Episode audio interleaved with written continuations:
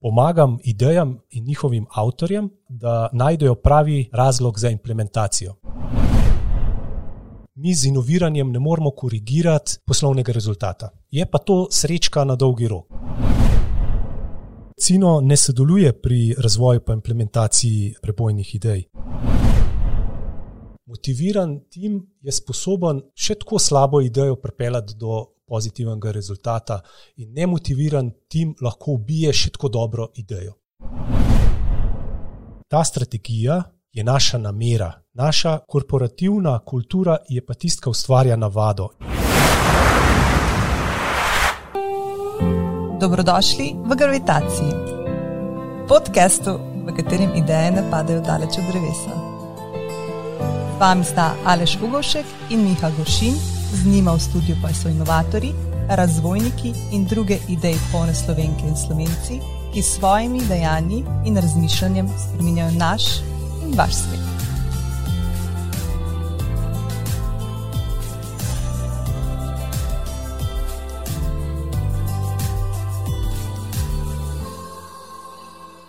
Lepo pozdravljeni v novi epizodi podcasta Gravitacija, v kateri bomo z Gregorjem Smolejem iz Iskratela razgalili Cinota, kar je okrajšava za Chief Innovation Officerja oziroma vodjo inovativnosti. Gre za osebo, ki je v podjetju primarno odgovorna za vodenje procesov inoviranja in ki pomaga, da ideje ne ostanejo nič vredne in da se iz njih razvijajo inovacije. Več o vsem tem in še kaj v nadaljevanju, pred začetkom pa še eno povabilo in sicer na prvi inovacijski meetup, ki se bo zgodil v četrtek, 15. aprila ob 14. uri. Inovacijski meetupi bodo mesečna, sproščena in z dobro energijo nabita srečanja slovenskih inovatork in inovatorjev. Namenjena so predstavitvam dobrih inovacijskih praks, predvsem pa izmenjavi mnen, znanj in konkretnih izkušenj na področju razvoja in inoviranja.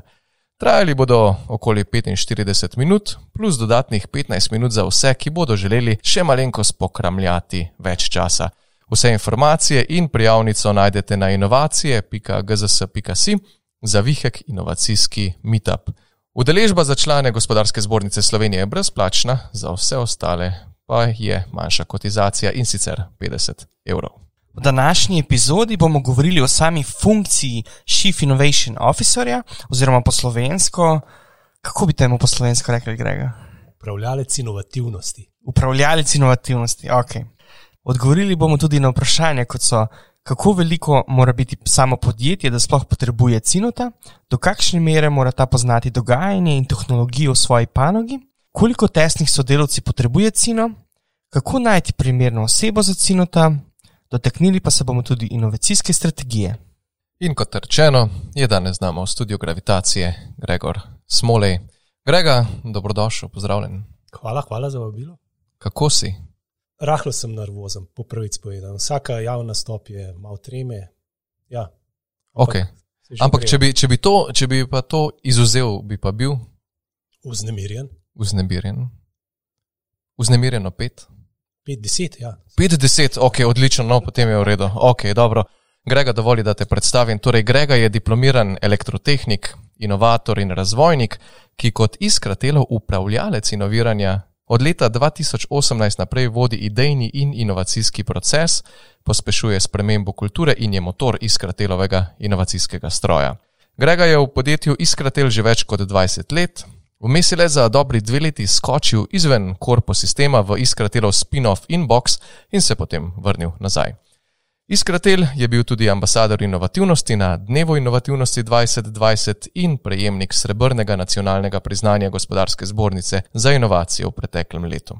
Grega sam je sicer ustrajen, vedoželjen, je dvomljivec, motivator in mentor, blizu mu je storytelling in resna igra. Po osebni plati je Gregor povezan z besedami očka, bela krajina, lego, ustvarjalnost in zgodbe.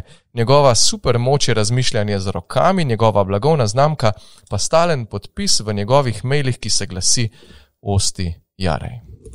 No, če začnemo par Osti Jarej, kaj je to? Kaj, je to moto ali? Ta besedna zveza se je pojavila v bistvu s tem COVID-om. Ne bi bil to sicer neki stari slovanski izraz, ki ne bi pomenil ostani zdrav. Ne? Tudi Oskar Kogo je na svojih steklenicah ta, to besedno zvezo, nekako, oziroma to, to besedo ostijare uporabo. V tem kontekstu COVID-a, da imamo ostati zdravi, zato da bomo lahko delali stvari, ki jih radi počnemo. No, super. Zdaj, um, prenesel nam tudi manjše darilo in sicer Lego kocke. Prosim, povej mi več uh, o tvojem odnosu z Lego kockami. Ja, dobro, Lego kocke, mislim, da brend vsi poznamo. Ne? To je nek hobi, ki ga definitivno svojim sinom delim. Uh, zdaj, kdo je bolj ustrajen pri tem, je težko reči, da sem jaz tisti, ki sem driver, a je moj sin. Uh, definitivno je pa to nekaj, kar je iz otroštva ustalne in sem tudi skozi poslovno delo ne, se ukvarjal z vprašanjem, ali so Lego kocke res primerne zgolj za igro, ali je mogoče še kaj resnega noter. Gotovo sem pred leti, da se skrivajo zelo zanimive zadeve tukaj. Tudi sam imam nekaj izkušenj z Lego kockami in sem velik navdušen. Tudi sem imel povezavo z samim uh, Lego tehnik set, pa vse tiste zadeve moj set, ki sem ga na zadnje sestavil, je bil pred enim tednom in sicer sem sestavljal Lego Traktor. Okay. Kaj je bil tvoj set, ki si ga na zadnje sestavljal? Časovno obdobje je čist isto. Prejšnji teden smo namreč s sinom sestavljali moje rojstnodnevno darilo. Sem ga kupil v Ljubljani v Lego šopu, seveda strokovnjakom, tam prodajalci, moram jih res pohvaliti, ne, so res poznavalci Lego kock, so mi lepo tudi svetovali. Zbral sem si pa srednjeveškega kovača. To je pa neka srednjeveška hišica, nekaj čez 2000 kock, tako da je bilo veselje pri sestavljanju kar dolgotrajno. Jaz mislim, da je 2000 kock zelo nepredstavljivo. Se mogoče spomniš, koliko je, imela, koliko je bilo strani navodil, mogoče bo to bolj povedno. Mislim, da jih je nekaj čez 250. Um, lahko pa povem, no, kot zanimivost, ne, da 2000 kock v svetu niti ni toliko nekaj posebenega danes. Ne. Največji set, ki ga je celo oblikoval slovenski avtor, dizajner v Lego, mislim, da presega nekaj čez 9000 kock. Zanima me, kater pa je tvoj najbolj ambiciozen projekt do zdaj? Je bil ta zdaj ta kovač, ali je bil kakšen predtem že? Ne, če govorimo o najbolj ambicioznih gradnjah, ne so to tisti lastni modeli, lastne kreacije. In v tem primeru jaz sem navdušen, recimo nad srednjim vekom gradnja svojega gradu, diorame, obzidi, stolpov, raznih palač, pa seveda to dosti sramežljivo skrivam. No. Nekaj tako za igro, sin sicer pomaga pri gradnji, ampak pri igri pa žal ne. Okay, no, eh, kot veš, jaz sem tisti, ki stoka vse najne goste, a ne pa preverja, kaj se, eh, se pojavlja na socialnih omrežjih. In moram reči, da si hmm. s Facebookom prenehal leta 2015, na Twitterju tudi letos še nisi čist nič objavil. Edino tvoje aktivno, oziroma najbolj aktivno socialno omrežje je LinkedIn. Res je. Sem pa videl, da imaš kar veliko sledilcev. In zdaj me tukaj zanima, če Iskratel te prepozna kot eno orodje na LinkedIn, oziroma če ti to uporabiš kot neko orodje, pri tem, da izpostaviš neke produkte, ali gre predvsem za neko mrežo, ki si jo ti sam kot oseba vzpostavil? No, svojo mrežo sem zagotovo sam ustvarjal, ne? ampak definitivno pa z delodajalcem, če govorim tukaj o podjetju Iskratel, je neka simbioza, definitivno. Sem ambasador, če govorim. Uh, o socialnih omrežjih, konkretno v LinkedIn, in pa seveda tudi jaz mrežo iskratelovih sledilcev koristim pač za doseg o temah, ki jih jaz želim sporočiti skozi socialno mrežo. Zdaj pa še eno vprašanje. A to mogoče tudi iskratelj prepozna in te nadgradi kako finančno ali pa z drugimi ugodnostmi? Ali je to samo nek bonus, ki se je pač pojavil, um, oziroma orodje, ki se je pojavilo? No, lej, bonus zagotovo je, mislim v tem smislu, da me prepoznajo tudi kolegi, kako se odzivam na določene poste. Priznam pa, ne, kot neka spodbuda, enkrat je bila neka nagrada, ampak tako vetrovka iskretela, ki je jo nosim s ponosom. Ne,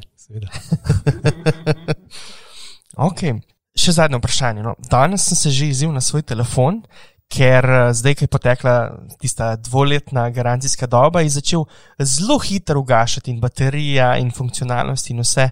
In me zanima, če si že slišal, zagotovo si že slišal uh, izraz načrtno zastaranje izdelka. In me zanima, če to strategijo tudi mogoče uporabljate pri načrtovanju izdelkov, oziroma na kakšen način jo upletate?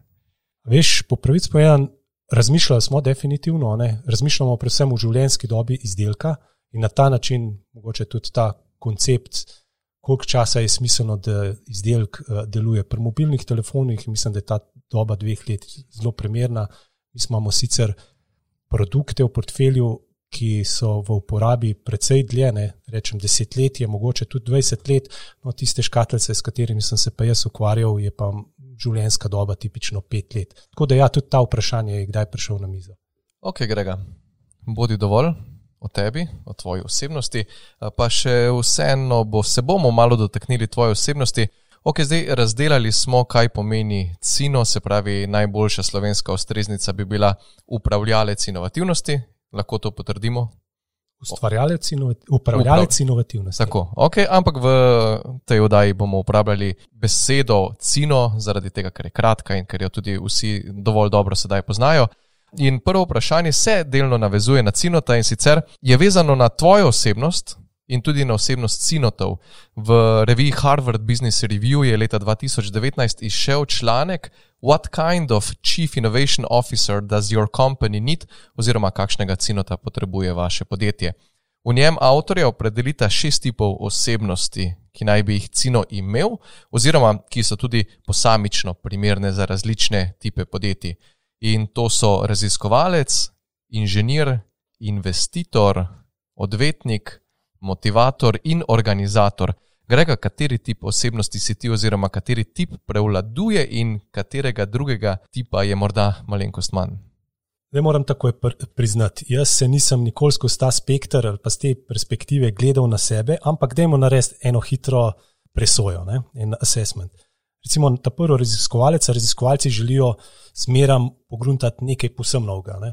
Mogoče se nekaj nek delček tega skriva pri meni, ampak načeloma ne bi rekel, da je to moja prava osebnost. Druga stvar, inženir, zmeram gleda na stvari, kaj bi bilo lahko izboljšati. Jaz, glede na to, da inženir sem, ne, da imamo tle eno veliko kljubca. Kar se tiče investitorja, investitorji ponavadi zelo hitro menjajo svoje prioritete, pa imajo različne ideje. Jaz ne bi se mogel identificirati s to vlogo, se pravi, to ni moj tip osebnosti. Kar se tiče odvetnika, rad poslušam recimo želje, potrebe uporabnikov in te zrcalam nazaj v podjetje in jih v podjetju zagovarjam, tako da rečem, lahko eno veliko kljubca tudi tukaj.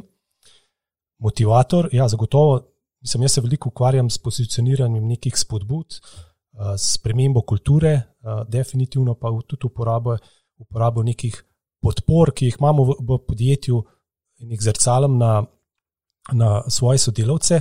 Tako da zagotovo tudi to je nek tip osebnosti, ki bi sebi pripisal, kar se pa tiče organizatorja, ne, ki običajno verjame, da procesi vladajo. Ne, če pogledamo njegovo mizo, klin miza, vem, če bi videl mojo delovno mizo, zagotovo ni taka, koledari polni, ne, vse skozi milestone se gleda, pa mislim, da tudi malo te osebnosti ni v. Se pravi, če bi se opredelil glede teh šestih tipov, bi bil v inženir? največji meri inženir, odvetnik Tako. in motivator. Tako je. Mislim, da je to vse en mogoče malo abstraktni način gledanja, ampak vse, uh, če gremo pa zdaj bolj konkretno, kdo je Cino, kaj je sploh njegovo poslanstvo? Ne, že prej si omenil, da raz, različne nazive lahko uporabljamo. Moj naziv res ni Cino, Chief Innovation Officer, čeprav me glavni direktor vedno in povsod tako naslavlja. Jaz sem sicer, nisem C-level ne, in sem vključen v nek sektor, ki je direktno podrejen, odgovoren glavnemu direktorju.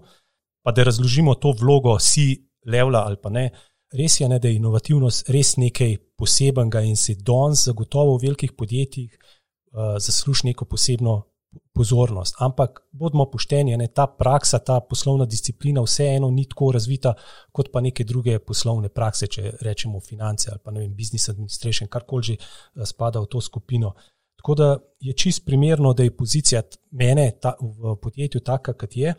Zdaj pa, če govorimo o natančnem nazivu mene, jaz, moj naziv je Innovation Manager, če govorimo o angleščini, oziroma upravljalec inovativnosti, če govorimo nek primeren slovenski uh, izraz. In zdaj, ko se jaz predstavljam ljudem, ki želijo vedeti, kaj pa Innovation Manager dejansko počne, ne, rečem, da pomagam idejam in njihovim avtorjem, da najdejo pravi razlog za implementacijo. Zdaj, v tem kontekstu, ne, seveda, ne gre toliko za kreativnost in uh, nastajanje novih idej, kot pa ta aktivni razmislek o vrednosti, ki nastaja skozi različne aktivnosti, pa skozi faze, različne faze inovacijskega procesa. V tem kontekstu razmišljamo tudi o poslovnem modelu in pa o vlogi same ideje v širšem ekosistemu. Zdaj pa moja prava naloga. Zdaj, ta prvi del je zagotovo tisto, kar se direktno vidi proti zaposlenim, pa proti javnosti. Moja prava naloga pa dejansko v podjetju je ustvarjanje delujočega inovacijskega stroja. Torej, nekih pravih pogojev za inoviranje. Pa če temu rečem ozaveščanje zaposlenih in vodi, izobraževanje zaposlenih in vodi, eh, lahko rečemo tudi zagotavljanje psihološke varnosti. Smo že poslušali, kako je to pomembno pri inoviranju. Na kratko, iskanje nekih simbiotičnih vzvodov med izvedbenim in inovacijskim ustrojem. Pa bom mogoče malo kasneje razložil, kaj ta termin pomeni. Če se pa zdaj vrnemo bolj na začetek, kakšna je pa tvoja pot, da si postal cino?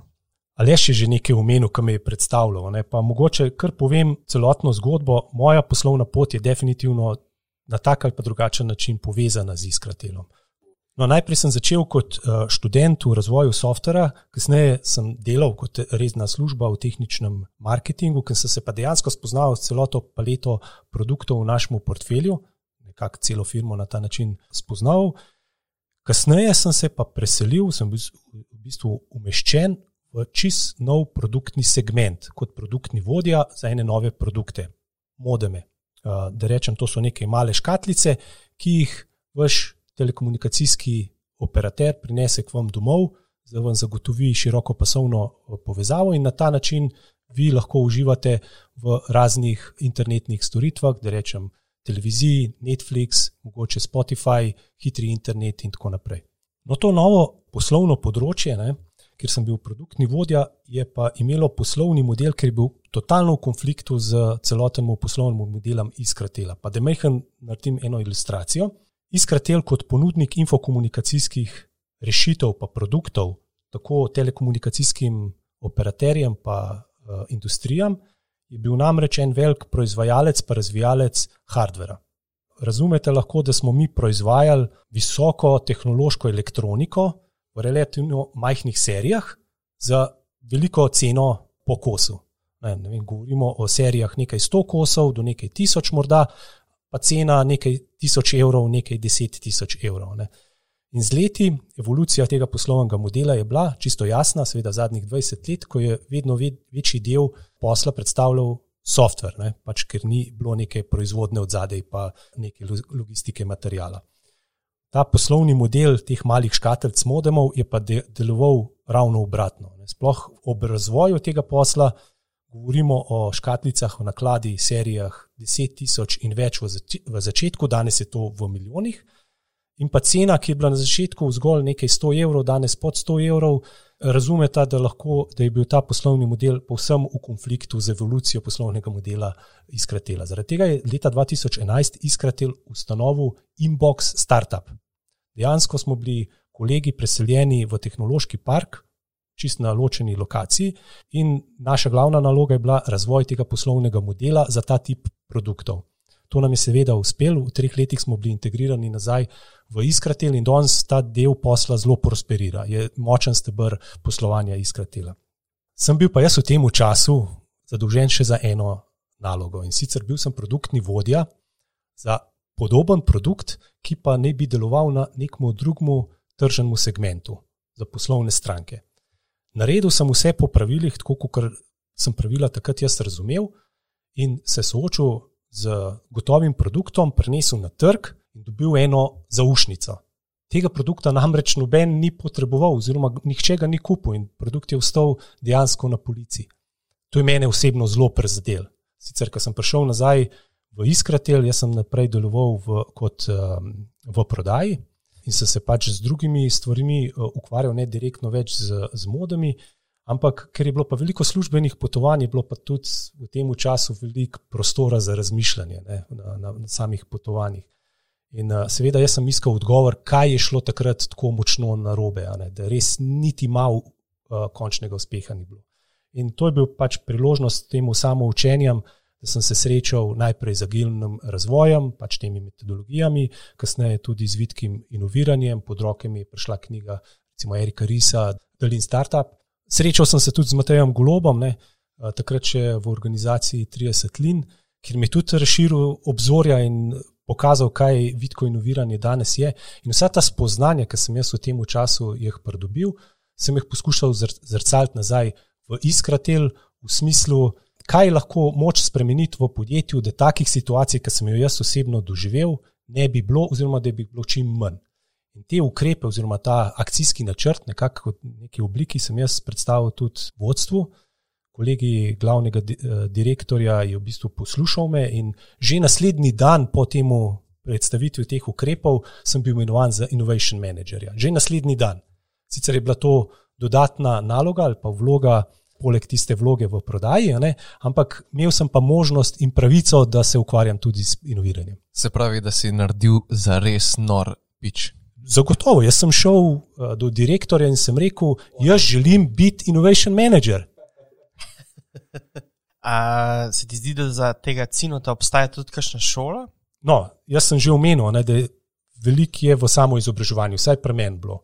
Jaz verjamem, da obstajajo tudi šole, programi, univerzitetni programi za šolanje innovation managerjev, sicer ne poznam, ali to obstaja v Sloveniji. Je pa nekaj, kar sem jaz tudi šel skozi, pa certifikacija CINO, Chief Innovation uh, Officer, ki izvaja Corpohub že kar nekaj let, mislim, 3-4 leta.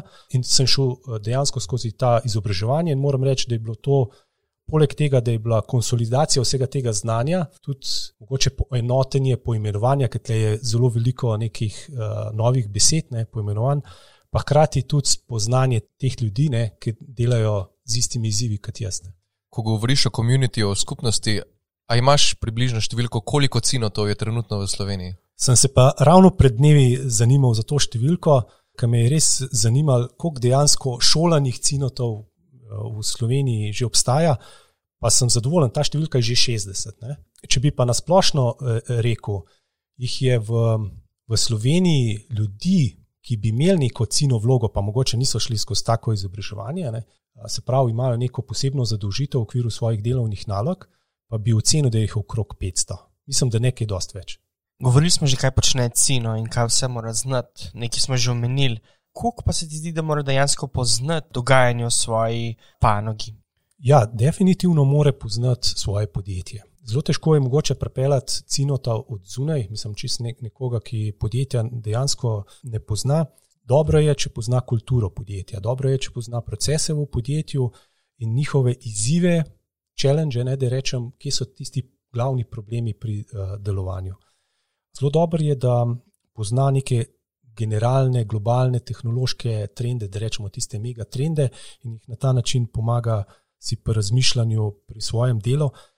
Če bi pa govorili o neki specializaciji tehnologije, koliko more nekaj tehnoloških napredkov poznati, pa mogoče ena misel oziroma ena informacija, ki na en način presenetljiva, ni pa zagotovo ni nova. Namreč to je že ugotavljal v prejšnjem stoletju, v 50-ih, 60-ih letih, sovjetski znanstvenik čist uh, ruskim uh, imenom Genrich Altschuler. Ne? On je bil utemeljitelj um, TRIS metodologije, to je uh, metoda uh, inovativnega reševanja nalog. In on je delal analizo 200 tisoč ruskih patentov takrat ne? in ugotovil, da iz, na teh patentih je praktično zelo, zelo majhen delež tistih zares novih invencij, da rečem novosti, zares nekaj novega. Ne?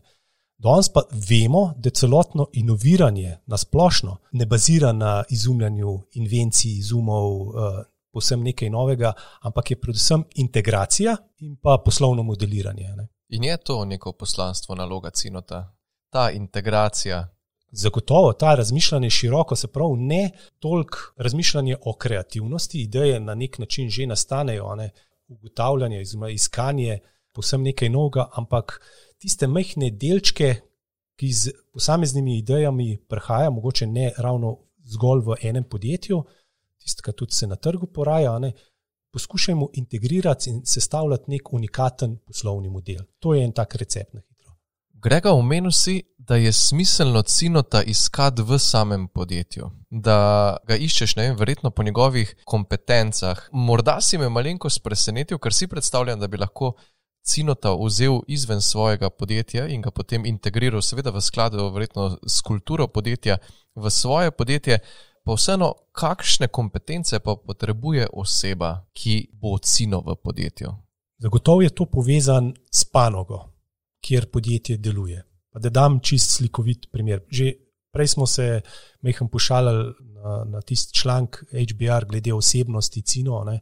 In tam, recimo, če se znamo zamisliti neko panogo oziroma podjetje, ki potrebuje zelo visoko stopno raziskovalne dejavnosti, farmacija, uh, industrija materijalov, recimo, oni nucajo ti posebnosti raziskovalca potrebujejo praktično na tem mestu, bi lahko rekel, znanstvenika, ki ima ta raziskovalni uh, nagon v sebi. Mislim, da bi bila to zelo močna kompetenca.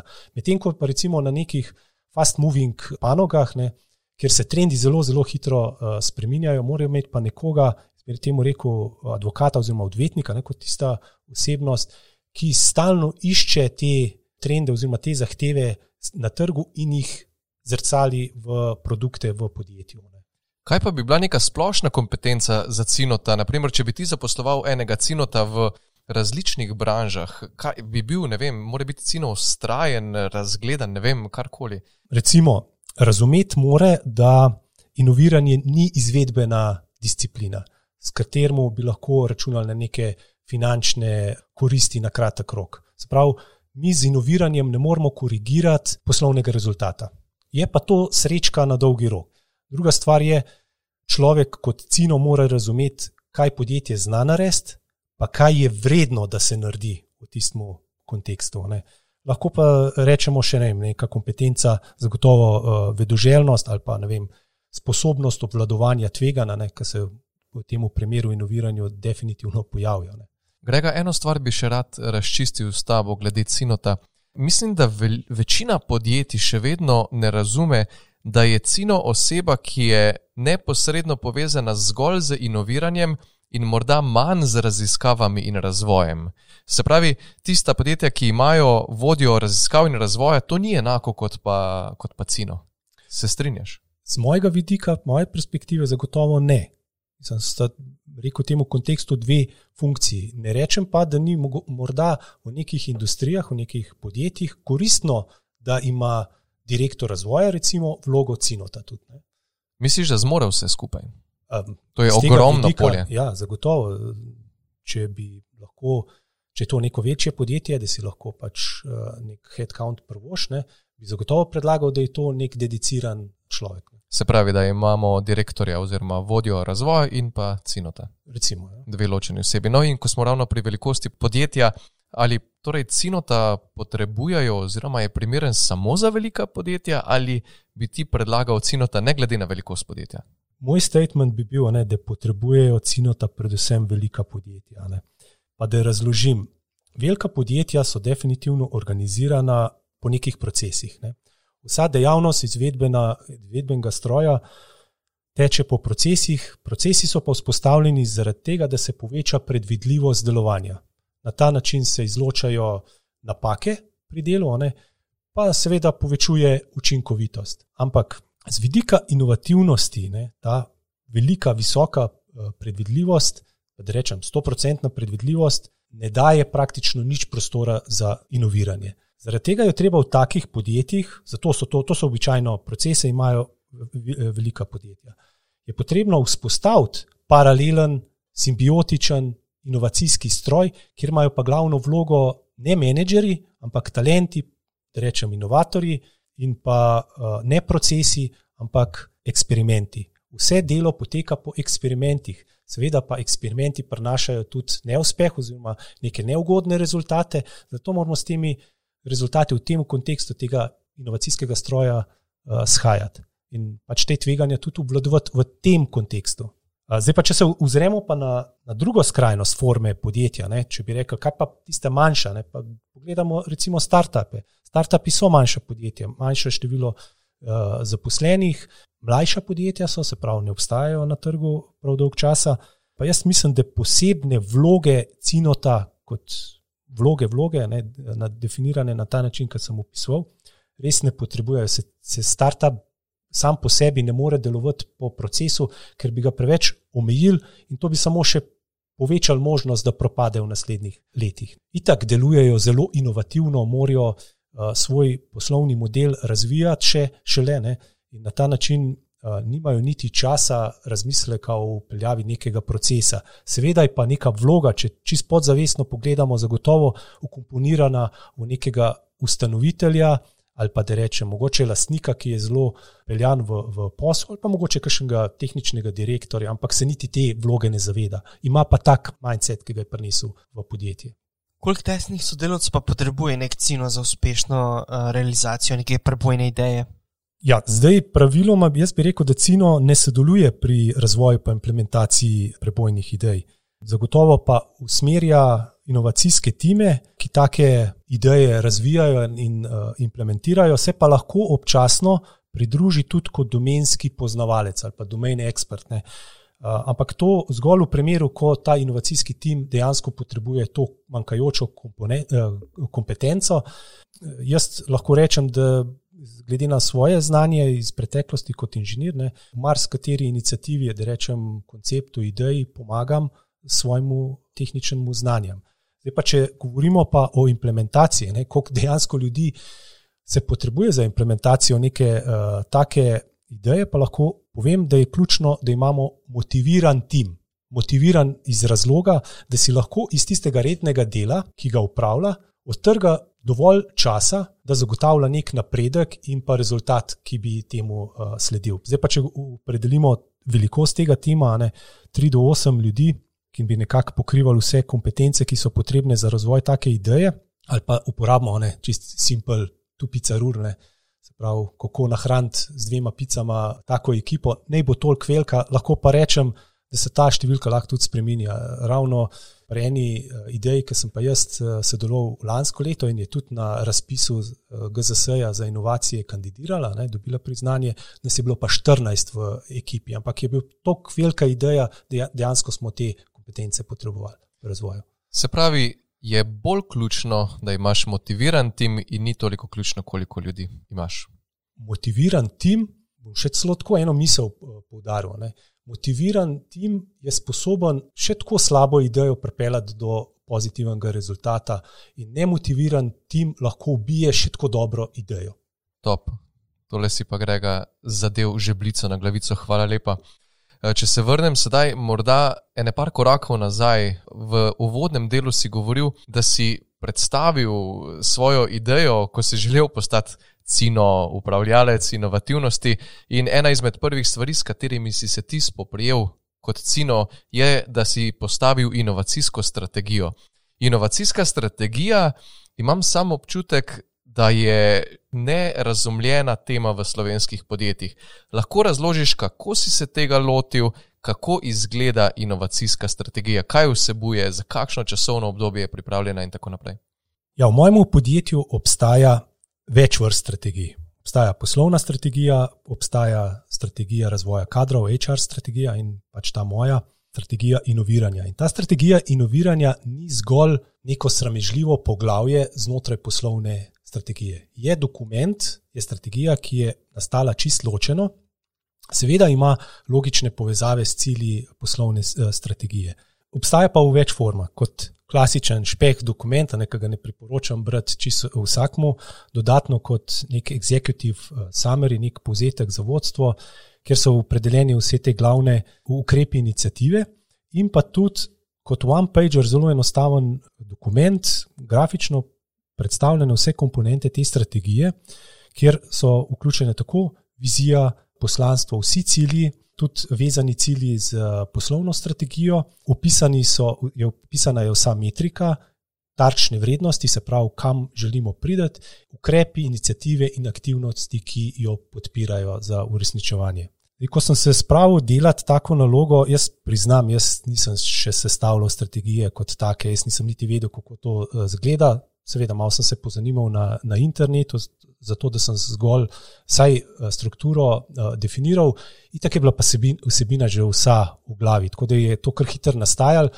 Uh, delo je pa potekalo zelo tako iterativno, da rečem, z vsemi tistimi kasnejšimi kolegi, ki bojo pa skrbeli tudi za implementacijo, sem se posvetoval in seveda vključeval, oziroma spisal to strategijo na način, da bi čim bolj gladko tekla pri implementaciji. Mogoče še ta opredelitev. Ne? Na začetku sem mislil, da bo implementacija te strategije veljala za kakšne dve leti, ne? pa sem se tukaj naivno uštev, ampak predvsem zaradi tega, ker sem pocenil moč te korporativne kulture, ki se spremembam seveda upira. Ne? In tudi pri implementaciji uh, tazga dokumenta, take strategije se je to pokazalo. Jaz sicer vidim, da bo to nekako ratal te ukrepe, glavne ukrepe izvesti v obdobju štirih let, med tem časom so se seveda mehen mogoče korigirale kakšne prioritete ali pa časovnica se je mehen spremenila, kakšnih glavnih pomembnih vsebinskih popravkov pa zaenkrat ni bilo. Seveda se je pa taka strategija mogoče čez dve let prav to resno revizijo zaslužila. Naj pa še poudarim, kar je pa bistveno. Ne. Me sicer poprašajo po tej strategiji, pa kako izgleda. Strategija je zgolj dokument. Ne. Tudi Petr Drakar, ne. poznamo to, vsi to frazo. Ne. Kultura, v našem primeru korporativna kultura, lahko požre to strategijo za malce, da rečem za zajtrk. Ne. Hotel sem poudariti, da ta strategija je naša namera. Naša korporativna kultura je pa tista, ki ustvarja navado in dopušča implementacijo. Ne. In tukaj je treba veliko delati. In, uh, moram priznati, da kar precejšen del strategije se tudi ukvarja s korporativno kulturo, da rečem in, interno kulturo, če hočete, inovacijsko kulturo. Grega, ne vem, če imate v strategiji zapisane tudi metode, inovacijske metode, ki jih boste uporabljali. Pa morda samo izpostaviš nekaj metod, ki, s katerimi se največkrat poigravate in jih uporabljate pri inoviranju. Direktno v strategiji to ni zapisano. Mislim, da tudi ja, noter ne spada.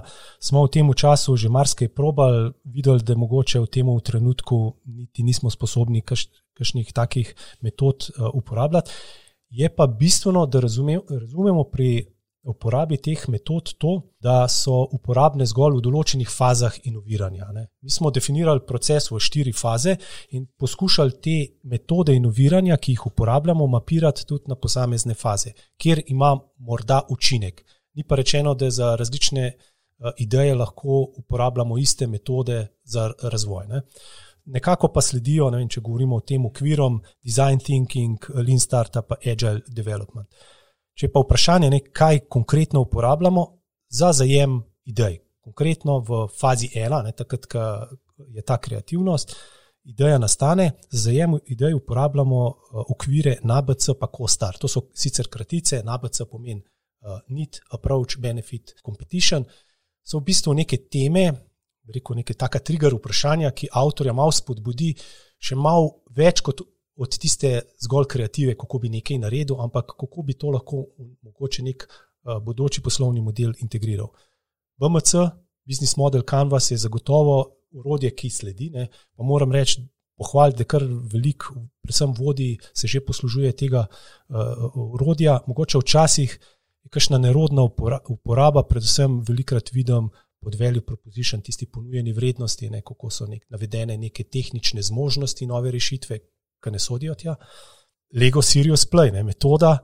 Jaz, kot Lego strokovnjak, ne, sem bil navdušen, ker sem ugotovil, da niso Lego kocke zgolj za igro, ampak da so tudi za resno igro. Ne, v tem kontekstu so Lego kocke zgolj kot nek kreativen material, ki imajo zelo, zelo močno metaforično vrednost. Ne. Različne barve, različne oblike, različ, različne velikosti in pomagajo uh, timom, posameznikom v tem inovacijskem timu, da oblikujejo nek model nekega problema oziroma nekega izziva iz svoje perspektive.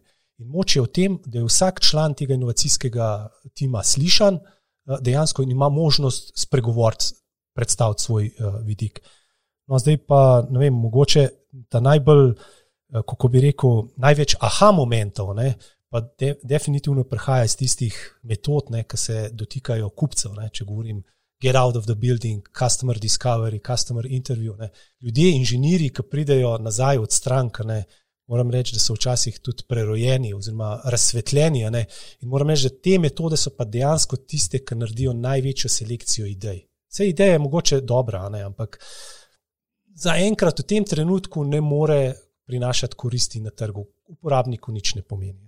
Na tednu vidkega inoviranja 2020 si govoril o tem, kaj si kot cino delal v letu 2020 in kaj boš delal v letu 2021 drugače. A lahko prosim to še enkrat obnoviš za naše poslušalce gravitacije? Ja, za tisto predstavitev na konferenci sem bil nekako izvan, da predstavim neka osebna spoznanja ne, z tega področja delovanja. Pa ni bilo to tuk, tukaj toliko za to, da bi predstavil kje aktivnosti so bile napačne, zagotovo je bilo med njimi tudi kaj takih, ki niso imeli eh, vrednosti, ampak kje v letu 2021 in naprej ukrepiti delovanje na področju upravljanja inovativnosti.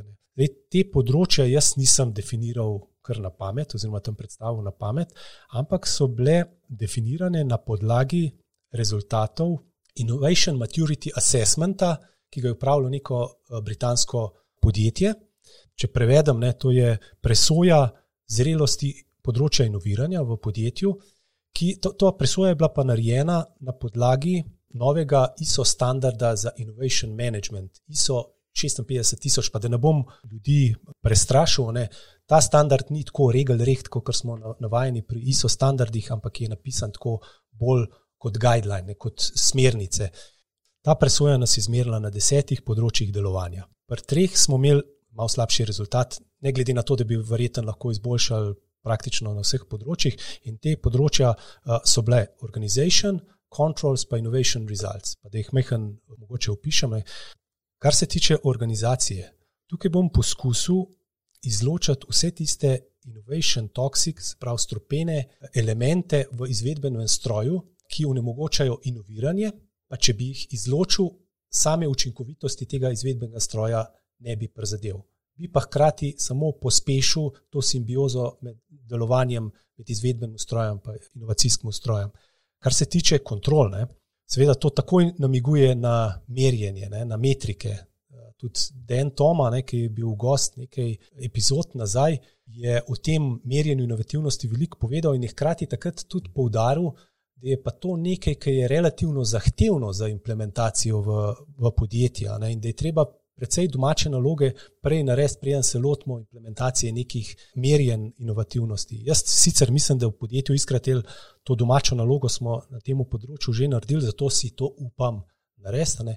Cilj pa je, seveda, glavni cilj je, da bi povečal zavedanje odgovornosti vodi do inoviranja. Seveda, če se bo neka stvar merila, ne, bo to tudi lahko njemu podzavestno pač nekaj se prižigal, da je pa vseglih mogoče pravilno, da dajemo nekaj več pozornosti. Pa tukaj ne gre zgolj za merjenje input pa output uh, kazalnikov, ki jih je mogoče lažje in teže implementirati, ampak tudi merjenje kvalitete naših odločitev, se pravi odločitev teh vodi, odločitev mene kot innovation uh, managerja, odločitev eh, članov inovacijskega odbora in na ta način lahko prispevamo nekaj kvaliteti. Ta zadnja stvar pa je, so pa te rezultati, inovacijski rezultati. Imamo recimo en model uh, množičnega inoviranja, kjer se lahko pohvalimo z enim indeksom, merimo sicer stopno implementacije, dosegamo približno 50%. To kažejo dolgoletna povprečja. Ne. Sistem sam je upeljan že od leta 2003 in zelo dobro deluje. Mogoče se nekatera podjetja lahko celo pohvalijo z boljšimi številkami, 70-80%, ampak moj namen glede ukrepa je pa to številko znižati, konkretno na 20% in manj.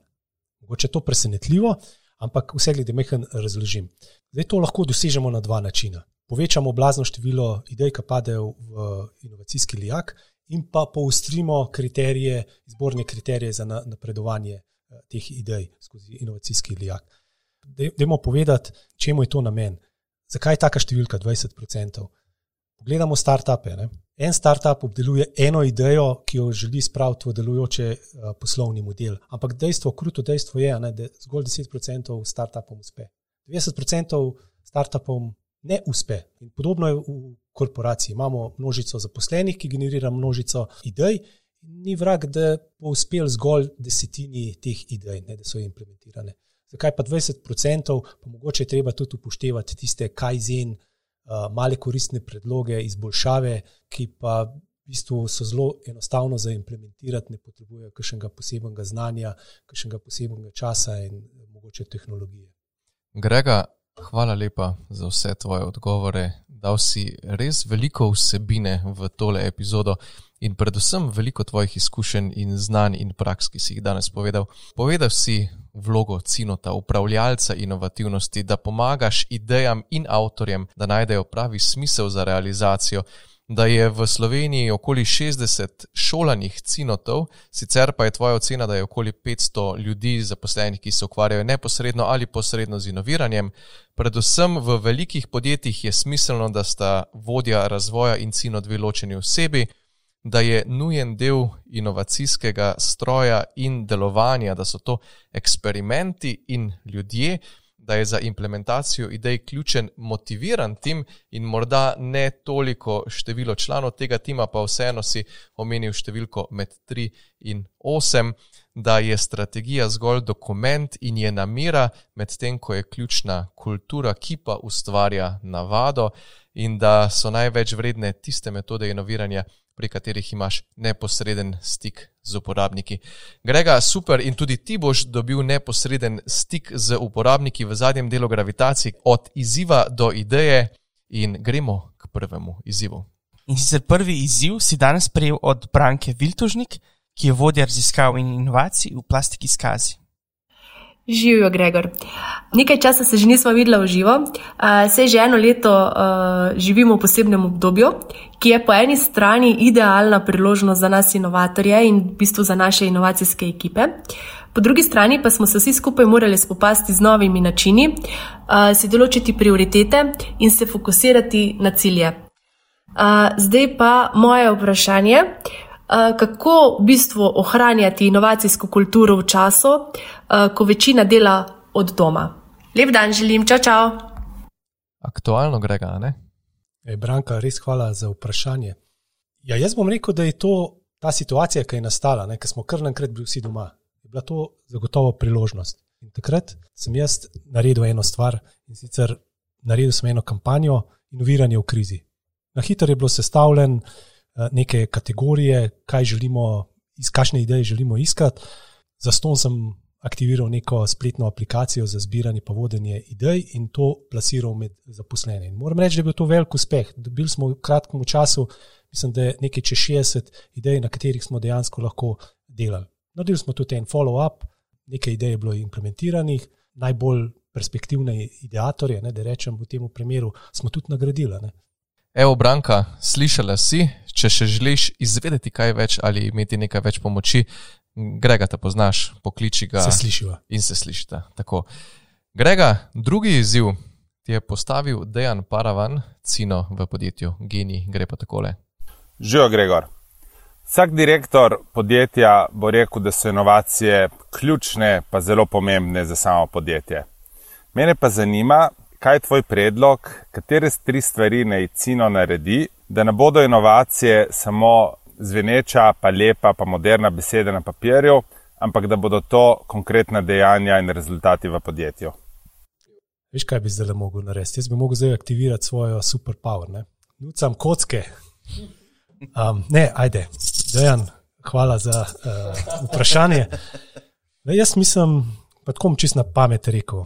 Če imate sistem nagrajevanja, hoče likvidirajte ta sistem nagrajevanja, motivacija z denarjem zagotovo ni ta prava.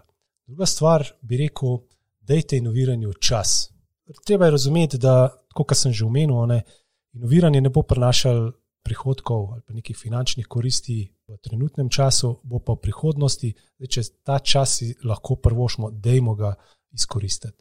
Tretja stvar bi bila pa mogoče z izobraževanjem definitivno znanja z področja inoviranja je zagotovo premalo v nas. Še jaz vidim, da vem, če bi se ocenjeval, koliko znam pred tremi leti, bi se boljš ocenil kot pa danes, zato ker danes razumem, da fulman vem, da premalo vem.